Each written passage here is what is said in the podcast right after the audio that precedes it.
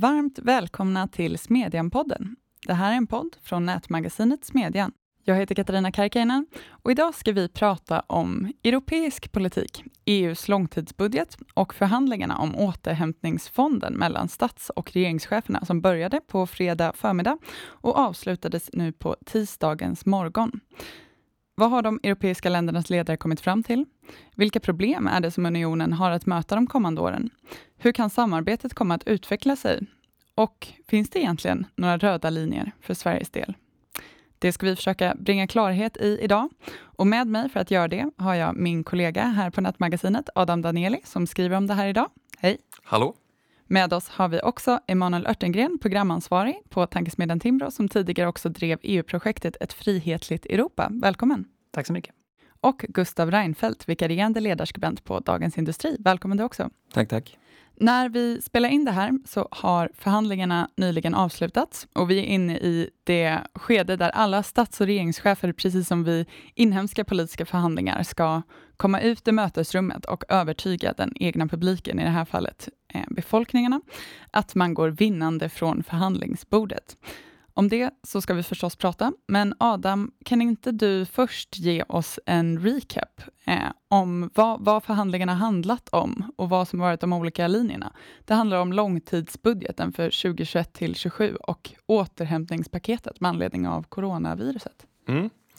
Ja, dels är det den nya långtidsbudgeten, alltså det ekonomiska ramverket för Europeiska unionens verksamhet under de närmaste sex åren. Och dels så är det ett återhämtningspaket som kommissionen la fram i maj och som är tänkt att lindra de ekonomiska effekterna av coronaviruset på de europeiska medlemsländerna. Och det här är en, rad, en, en i raden av, av manglingar. Eh, framförallt långtidsbudgeten brukar vara en, en en komplicerad historia att baxa igenom i olika, i olika förhandlingar. Men i, i, i år så har det varit värre än kanske någonsin tidigare. Och man skulle kunna sammanfatta det med som att det finns två, två linjer och det, det sammanfaller ganska mycket med en, en syd-nord-linje helt enkelt.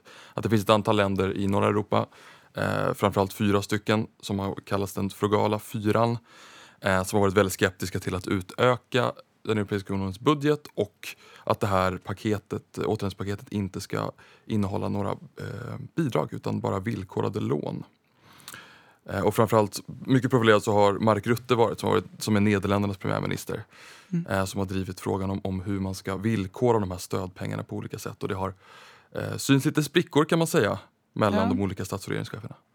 Vi ska återkomma till det. Emanuel, du skrev ju en briefing för Epicenter, European Policy Information Center, för ett par veckor sedan här om de olika förslag som då låg på bordet. Kan du berätta kort om vad ni skriver där? Vilka var de olika ingångarna?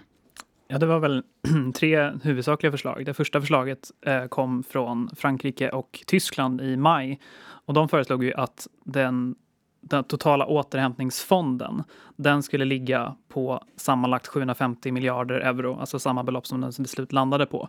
Men de hade en annan fördelning mellan lån och bidrag än vad som nu blev fallet. I det fransk-tyska förslaget så skulle 500 miljarder euro gå till eh, bidrag och 250 miljarder till lån. Och sen nu i slutändan så blev det 390 miljarder euro till eh, bidrag och 360 miljarder euro som då ska fördelas som lån. Eh, och sen så kom EU-kommissionen då med ett, ett antal eh, medlingsförslag eh, under Eh, eller det var Europeiska rådets ordförande Charles Michel som kom med ett antal medlingsförslag under de här förhandlingarnas lopp. Eh, och sen det tredje alternativet stod då den frugala fyran, alltså Nederländerna, Österrike, Danmark och Sverige för. Och de angav aldrig någon specifik summa i sitt förhandlingsbud till att börja med, men det viktiga för de länderna var som Adam var inne på, att få ner den, den totala andelen eh, som skulle gå till, till rena bidrag. Eh, och, eh, och viss, i viss mån också att behålla sina rabatter på medlemsavgifterna. För varje EU-land betalar ju en medlemsavgift till unionen som baseras på bruttonationalinkomsten. Men några rika länder som betalar väldigt mycket och är väldigt stora nettobidragsgivare till unionen har sedan 1984 eh, genom Margaret Thatcher fått en rabatt på, på sin medlemsavgift så att de inte betalar helt proportionellt i förhållande till, till sitt till sin bruttonationalinkomst. Eh, och den här rabatten ville EU-kommissionen, Frankrike, Tyskland med flera eh, avskaffa, men de här fyra länderna lyckades behålla den. Så Sverige tror jag får en rabatt nu på om det var 10-12 miljarder kronor eh, per år, vilket var mycket större än, än vad det var tänkt från början. Så på så sätt har ju Sverige fått en, en förhandlingsseger kan man säga. Mm. Ja, som vi var inne på så har ju mycket de senaste dagarna kretsat just kring Nederländernas premiärminister Mark Rutte, eh, vars linje också Sverige, Danmark och Österrike har anslutit till eller varit närmast. Eh, det vill säga att så lite som möjligt av det här paketet då ska ges bort som bidrag, så mycket som möjligt ska vara lån, dels som rabatterna, och också att allt ska fördelas då på villkor av att mottagarna genomför ekonomiska reformer och också respekterar rättsstatens principer. Det kan vi återkomma till. Det är kanske saker som man som svensk inte tycker låter sådär värst eh, kontroversiella, Eh, och på andra sidan så har vi då bland annat Frankrikes Emmanuel Macron, Italiens eh, Giuseppe Conte och Ungerns Viktor Orbán som alla har pekat ut Nederländerna och Rutte kanske framför allt som ansvarig för att man inte har lyckats nå en överenskommelse. Det finns såklart flera dimensioner i det och de kanske i sin tur har olika bevekelsegrunder. Men hur tycker ni att man ska förstå de här olika positionerna och de skiljelinjer som har framkommit eh, under den här förhandlingen? Jag tror att jag tror att eh, en ganska, eh, från Nederländernas perspektiv så, så har ju de intagit, ja, men som du var inne på, den svenska linjen, vilket ju egentligen är den, är den rimliga. Alltså att man, man betalar ut stora summor, förvisso delvis kanske för att rädda en del länder som är i svåra situationer eh, på grund av coronakrisen. Men att det måste ställas med motkrav på reformer.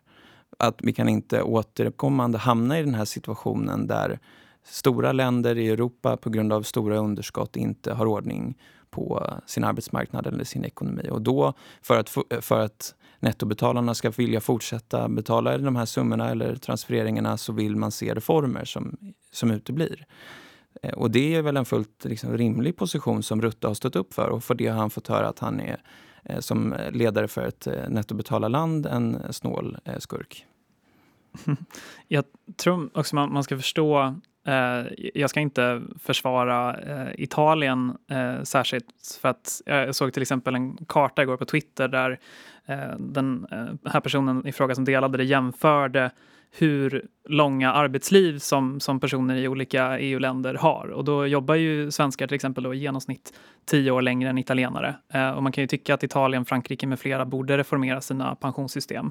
Men man ska komma ihåg att det som inte är sant och som jag har sett förekomma i den svenska debatten, det är påståendet att Italien skulle ha ständiga budgetunderskott. För det har de faktiskt inte haft. 24 av de senaste 25 åren sedan 1995 så har Italien gått med ett primärt budgetöverskott, alltså innan eh, räntebetalningar så har eh, Italien faktiskt gått med ett budgetöverskott. Det Italien inte har gjort det är ju reformer som vi genomförde i Sverige på 90-talet. Avregleringar som såg till att man, man fick igång eh, produktivitetstillväxten. Strukturreformer som gjorde att, att ekonomin växte. Så Italien har haft väldigt svag tillväxt under lång tid och det gör att man har inte så mycket som vi säger i Sverige, man har inte kunnat spara så mycket i ladorna nu när det, när det verkligen krisar. Och det, det försätter italienarna i en situation där de varken har sparade medel i statskassan eller kan låna särskilt mycket för att deras statsskuld är så, så hög.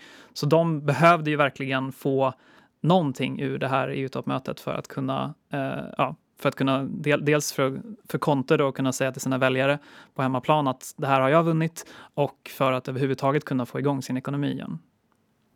Ja, en annan sak tror jag, som jag tror man ska komma ihåg och som spökar lite grann det är ju att eurozonen har ju ett, ett eh, en historia av att, eh, att, ha stora konflikter kring, av just den här typen som du, som du nämnde Gustav. Att, eh, erfarenheterna kring Greklandskrisen när man satte väldigt hårda villkor eh, på eh, mottagarlandet av olika stödpaket ledde till, till väldigt stora slitningar. Så man ska nog också väga in i den här diskussionen att, att krav som förvisso är, är rimliga eh, från Nederländerna, från Sverige och, och andra länder eh, väcker lite, lite ont blod när man, när man ser hur det blev i, i Grekland. Jag tror att det är ganska många länder i Sydeuropa som instinktivt känner en väldigt, väldigt stark motstånd över att få den typen av, av över, eh, överrock på sig.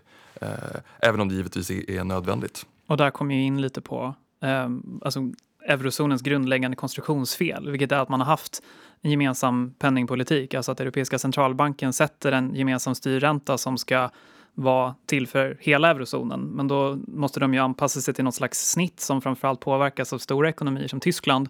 Eh, och det, det gynnar inte ekonomier i, i eurozonens periferi. Så italienarna har ju faktiskt det sämre ekonomiskt idag om man justerar för inflation och köpkraft och sånt än vad, eh, än vad man hade när man gick med i euron. Då, så hade, då låg Italien 1000 euro eh, över snittet vad gäller BNP per capita i det som då var eurozonen. Idag ligger italienarna 4 000 euro under snittet. Så man har alltså haft en, en negativ utveckling relativt men också absolut. Alltså italienarna har sämre produktivitet idag än vad man hade när man gick med i eurozonen. Och det är ju bland annat en konsekvens av att när ekonomin krisar så kan Italien inte Eh, använda penningpolitiken eller nationell penningpolitik för att stimulera sin ekonomi. Eh, man kan inte förlita sig på till exempel en flexibel växelkurs som skulle göra sin, deras exporter mer prisvärda och konkurrenskraftiga utan man sitter fast i samma valutaunion som Tyskland och har en, ett, helt enkelt ett mindre dynamiskt näringsliv. Men, men, samtidigt då som de inte genomför nödvändiga strukturreformer av ekonomin och arbetsmarknaden. Och det är klart att det är klart att man förstår att eh, det här abstrakta tinget Bryssel kommer och ber om, eller kräver att nu ska det ske reformer.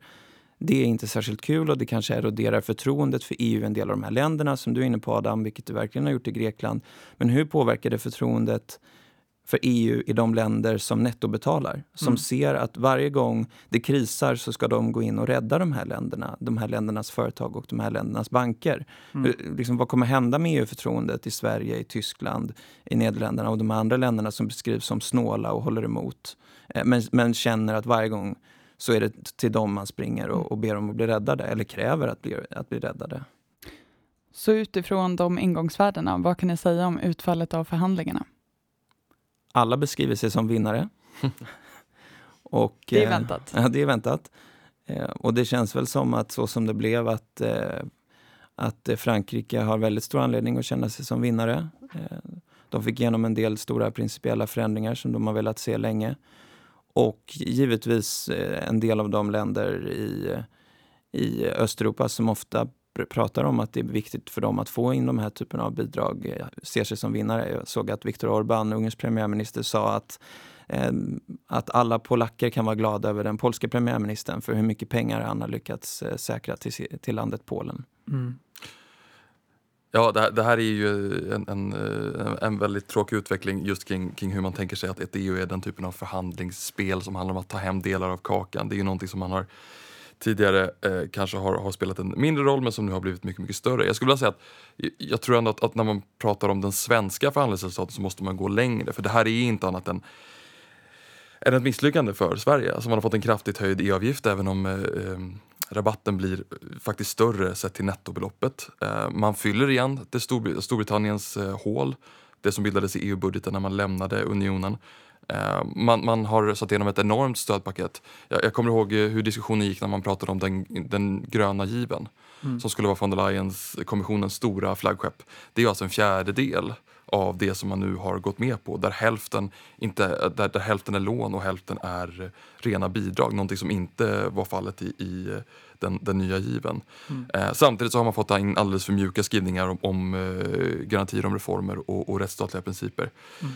Även om man nog ska vara ganska tacksam att, att uh, Rutte, som vi nämnde tidigare, fick igenom ganska vettiga krav kring kontroll och bromsmekanismer som jag tror har gjort den här dealen betydligt bättre men som knappast kan sägas vara Sveriges förtjänst. Ja, jag skulle säga på, på kort sikt så har ju länder som Sverige och, och Nederländerna vunnit för att det kunde varit värre om man säger så. Mm. Men på lång sikt så har ju framförallt Frankrike drivit hela EU i, i ytterligare ett steg i den riktning som, som Macron vill se med framförallt mer gemensam finanspolitik. Och när Macron talade om den här överenskommelsen då, så, så, så sa han ju framförallt att det här var historiskt och det han syftade på då var ju framförallt att EU nu tar ett unikt steg i att man för första gången eh, genomför en gemensam upplåning. Alltså att man, man, man tar upp ett lån där alla medlemsstater står som garant och via EUs eh, långtidsbudget.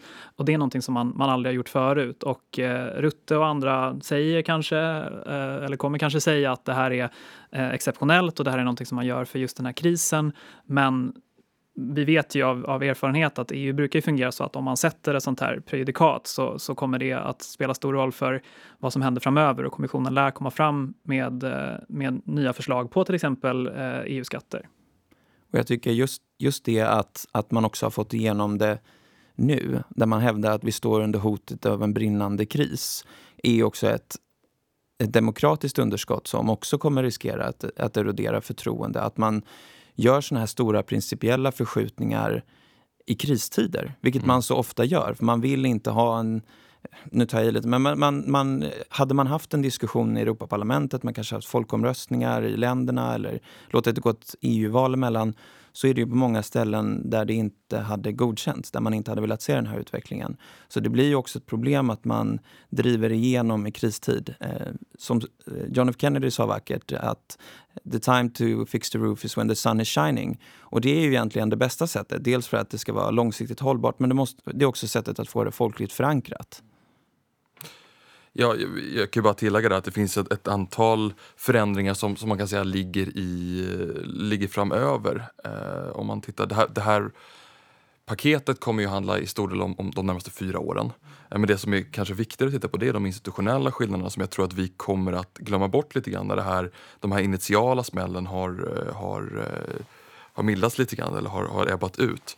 Och det handlar ju precis som hon, hon pratade om att, att, att, ta upp en gemensam statsskuld inom, det europeiska, inom unionen är ju ett enormt eh, steg bort från det som har, har varit, tidigare har varit ett mellanstatligt eh, samarbete. Vidare gäller beskattningsrätten att i det förslaget som kommissionen kommer till exempel så finns det en ganska utförlig skrivelse om att eh, så, så här ska vi betala igen det, vi ska ta ut de här skatterna. Och EU har inte beskattningsrätt.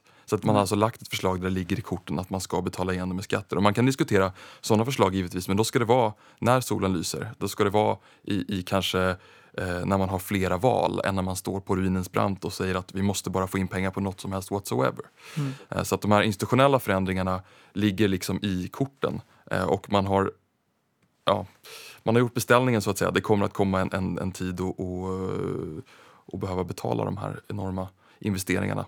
Men vad tycker du att det säger då om liksom, framtiden för unionen och samarbetet och de spänningar som delvis finns nu och det som vi har pratat om, att både huruvida man ser det som ett politiskt projekt eller en ekonomisk trade-off, möjligheten att driva igenom ekonomiska reformer i de här sydeuropeiska länderna kontra kanske ja, men känslan av att det är inte det ett sånt här mellanstatligt samarbete ska gå ut på. Jag kan ju avslöja att det inte var, det var inte helt road stämning på redaktionen i morse när du kom in och hade läst om förhandlingarnas utgång.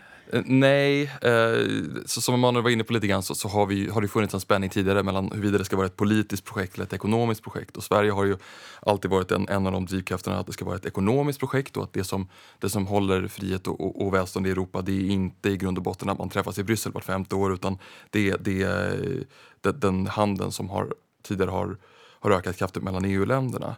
Eh, Macron har varit väldigt tydlig med att han vill att det här ska vara ett politiskt projekt, man ska följa med Eh, den finansiella politiken ska följa med exempelvis då penningpolitiken. Men jag tror att, att någonting som man skulle kunna om man skulle säga lite, det är att man, man ser ju en, en, industripolitik som tar form i, i kölvattnet av det här. Och det handlar ju lite grann om att mellan Paris och Berlin så finns det en järnaxel som är väldigt överens om att man vill ha en, eh, ett, annat, ett annat sätt att se på den europeiska industripolitiken. Vi i Nordeuropa och, och till viss del också Tyskland, men, men kanske framförallt eh, i, i de nordiska länderna har ju en annan syn på marknadsekonomi. Och i, i Sydeuropa så pratar man mycket hellre om en, hur man ska stärka konkurrenskraften i, i, vad gäller vissa vissa företag. Så jag tror att det här är, är nog ett led i att flytta upp industripolitiken. Den som EU har jobbat väldigt mycket med att, att få bort från den nationella nivån upp på den, den internationella nivån. Och det kan vi se att det här solvensstödet som, som kommissionen föreslog att majoriteten av det här paketet skulle handla om är ju väldigt, väldigt riktade stöd till specifika företag. Och det, det är ju det är något som jag tror kommer skapa spänningar framöver. Det försvann väl dock tror jag i den slutliga överenskommelsen. Just solvensstödet alltså. Eh, men, eh, men annars så, så är det ju precis som Adam säger att det här är ju tror jag nästa stora strid i EU. Det är liksom, och här tror jag att skiljelinjerna kommer bli ganska skarpa mellan eh, mellan framförallt de nordiska och baltiska länderna och eh, Frankrike, Tyskland, Italien. Eh, därför att som, som Adam sa, det är, vi, vi har en annan syn på, på marknadsekonomi. I, I södra Europa eller kontinentaleuropa brukar man prata om liksom en social marknadsekonomi eh, som är väl ett slags krist, eller kontinentalt kristdemokratiskt begrepp mm. eh, där, man, där staten ändå ska spela en ganska, ganska kraftig roll. Mm. Eh, och eh, det som jag framförallt är orolig över det är ju att eh, Eh, Frankrike och Tyskland vill driva igenom att man ska lätta på, på EUs eh, konkurrens och statsstödsregler. Så man skulle till exempel göra det lättare att eh, slå ihop företag för att bilda så här jätteföretag som skulle eh, dominera eh, marknader. Och det har sin grund i att EU-kommissionen förra året stoppade en sån här funktion, fusion mellan eh, Alstom och Siemens, alltså ett eh, franskt och ett eh, tyskt företag. Eh, och det blev Frankrike och Tyskland väldigt arga på för de sa att eh, det kinesiska företaget CRRC, de, de bygger eh, jättemycket tåg och de är världens största företag. Eh, och EU-kommissionens svar var väl att ja, men de finns ju inte på EUs inre marknad som de har ansvar för, utan de är väldigt stora om man tittar på liksom, den kinesiska marknaden där de har monopol. Eh, och min, min take på det här är väl att jag tror inte att vi kan alltså vi i Europa kan konkurrera med Kina på Kinas villkor. Eh, även Frankrike och Tyskland är ju ganska små länder om man tittar om man jämför med till exempel Kina och vi kommer aldrig kunna vinna så att säga i en ekonomi som grundar sig på vilken stat som kan liksom, ösa mest subventioner över sina företag.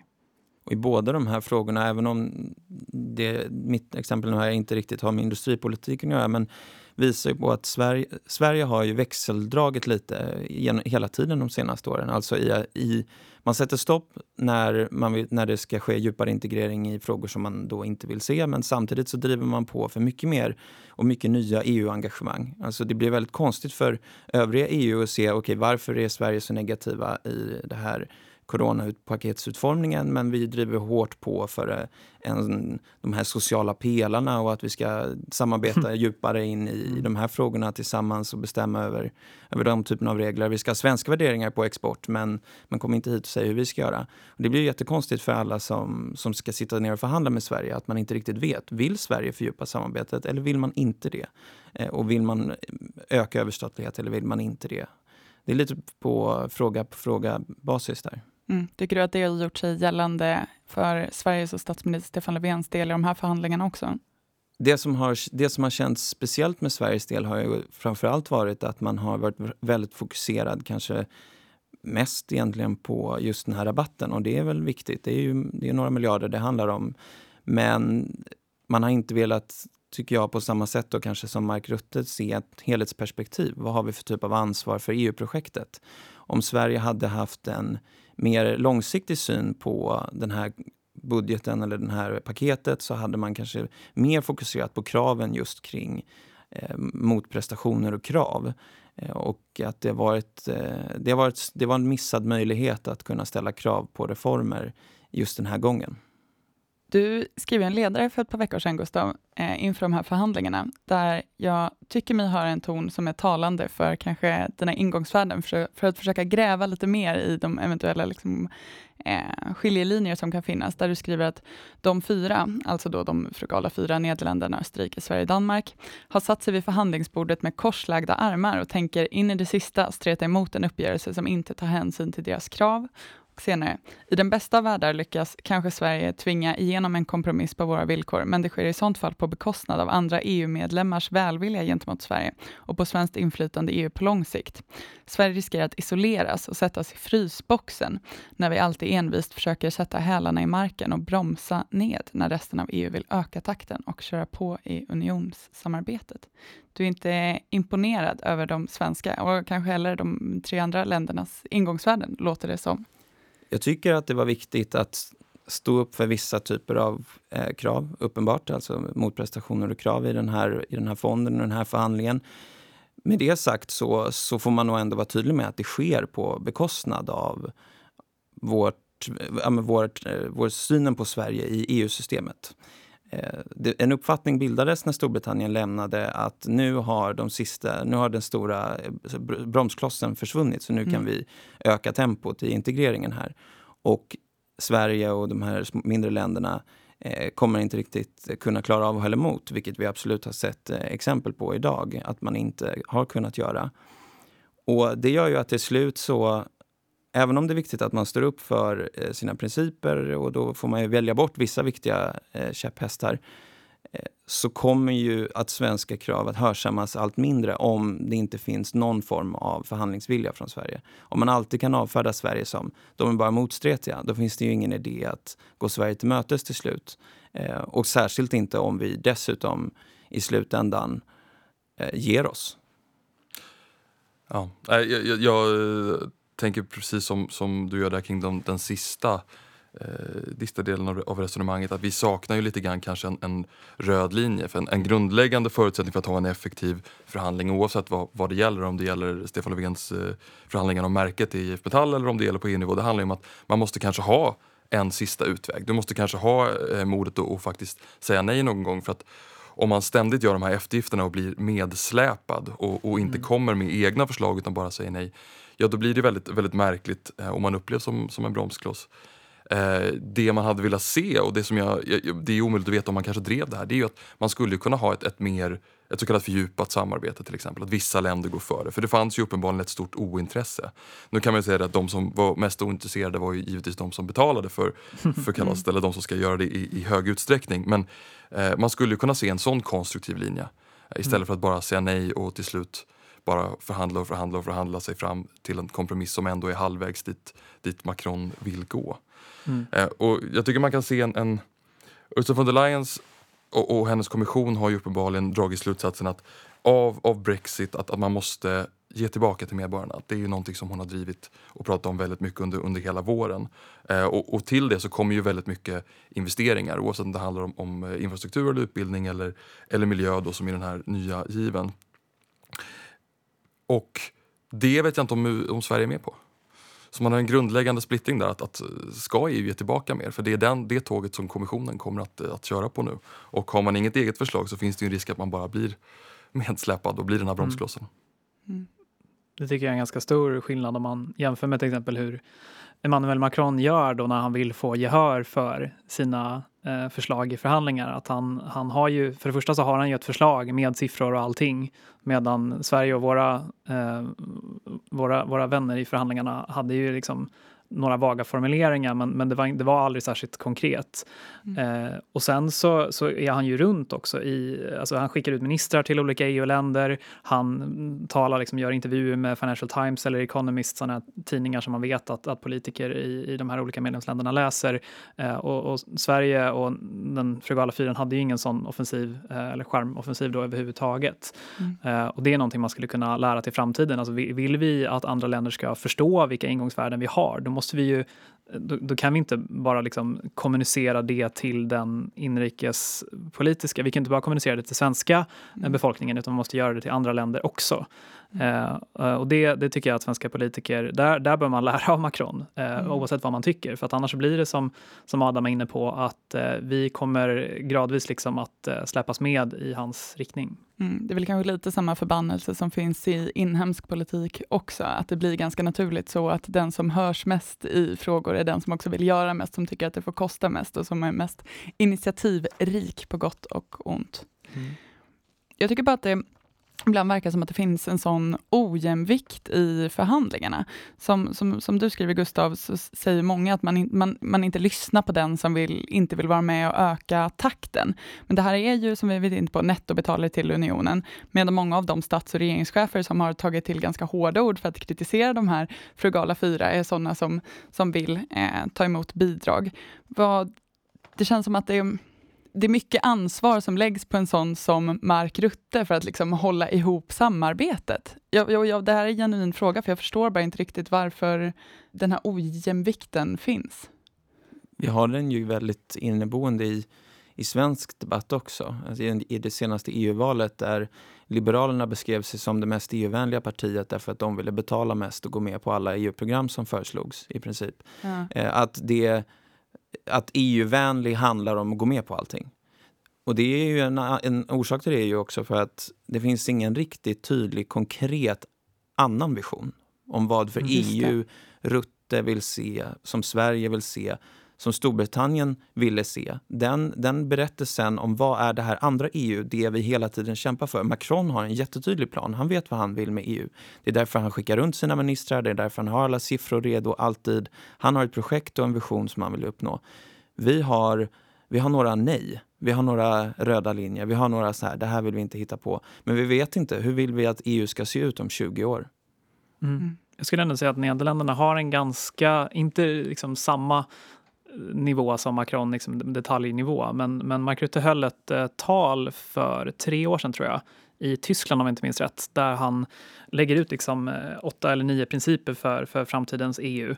Eh, och jag, jag läste, när jag drev Timbros EU-projektet Frihet i Europa så, så läste jag bara för att jämföra hans vision då med Macrons, för Macron höll också flera så här, linjetal om EU det året, eh, och det som, som Stefan Löfven höll i, i Uppsala någon gång 2017-2018. Och eh, Löfvens linje kan man väl sammanfatta med att eh, ja, vi, vi i Sverige vi för allt som är bra mot allt som är dåligt, eh, mer eller mindre. Eh, det, var, det var inga tydliga principiella resonemang om liksom, varför är vi för det ena men, men mot det andra. Varför vill vi ha mer satsningar på klimat men mindre på jordbruk eller sådär. Eh, men, men Rutte har ju, han, han fokuserar ju väldigt mycket på på, eh, på den inre marknaden, eh, att man ska utveckla den och framförallt utveckla den för tjänster och, och eh, digitalt. Han fokuserar väldigt mycket på att vi, vi behöver stärka EUs, EU som säkerhetsaktör i omvärlden när vi ser liksom Kina och Ryssland blir allt mer aggressiva. Så lite av det här geopolitiska tänket som man också ser hos, hos EU-kommissionen numera. och sen så den tredje biten och det är där som, som jag tror att en svensk kanske börjar eh, vända på sig lite, det är ju att han fokuserar jättemycket på euron. Mm. Och det är ju det som är kärnan även i den här återhämtningsfonden. Alltså det, det mesta i EU framöver eh, kommer på ett eller annat sätt att beröra euron. Och då är ju knäckfrågan är ju Sverige som ett av få länder som nu då i EU som står utanför euron. Hur ska vi förhålla oss till det? Mm. Ja, och, och, lite som, som du säger, vad, vad händer när det börjar komma riktiga tvång? När det börjar komma sådär att nu, nu vill vi inte ha era undantag längre. Nu, det är kring mm. euron som EU-samarbetet ska centreras och det ska nu integreras. Mm. Kommer det då erbjudas en, en sån här, som de pratade om med Brexit, alltså flera olika ringar, flera spårs mm. EU? Eller kommer det bara bli så att det, man är trött på oss? Och undantag, undantag, man ska säga det också. Sverige har ju formellt inga undantag. Alltså, vi är ju inte som Danmark eller som Storbritannien var. Vi, vi har inga undantag från, från eh, liksom, rättssamarbetet eller från, eh, från euron eller sådär. Utan formellt sett så är vi med. Men, men i praktiken så är vi ju mm. inte riktigt det. Gustav frågade, vad kommer hända då när eh, de här kraven kommer? Vad, vad säger du Adam om du får sista ordet här nu? Ja, i värsta fall så står vi ju precis som, som vi verkar ha gjort i den här förhandlingen, att vi kanske har en ganska bra förhandlingsposition, det vill säga att vi kan helt enkelt säga nej rent formellt, men att man har en så dålig, dålig vision om vad man själv är ute efter, att man kanske till slut dras med och, och, och börjar prata om euron. Och jag är väl mest orolig över, alltså, och det, och det är väl det som kommer att vara mest aktuellt nu under nästa mandatperiod eller nästa budgetperiod, att man kommer att prata om, om beskattningsrätt på riktigt. Eh, och eh, man kan lägga till att Mark Rutte har ju fått ett ganska betydande eh, köttben i att man har ändrat hur tullreglerna ser ut så att de egna mm. länderna får behålla mer av tullintäkterna. Och det råkar ju vara så att, att Nederländerna är det största, en av de största eh, länderna där, där gods tullas i EU. Eh, men, men jag tror att man kommer att ta den här diskussionen om kommer, den kommer komma upp den här diskussionen om beskattningsrätt under den här budgetperioden för att man vet att i grund och botten kommer man efter 2027 när man ska börja betala tillbaka lånen, när man ska börja göra en, del andra investeringar. Man kommer helt enkelt behöva nya, eller anse sig behöva nya intäktskällor. Och då gäller det att vara, hoppas jag i alla fall, att man är bättre, bättre förberedd än vad man verkar ha varit i den här förhandlingen. Mm. Det får lov att bli sista ordet och jag och Adam får lov att säga varmt tack till våra gäster Emanuel Örtengren och Gustav Reinfeldt för att ni kunde komma och vara med idag. Jag vill också tipsa om Adams text som finns att läsa idag på timbro.se smedjan. Vi ses där och hörs igen här om en vecka. Tack för idag. Hej då!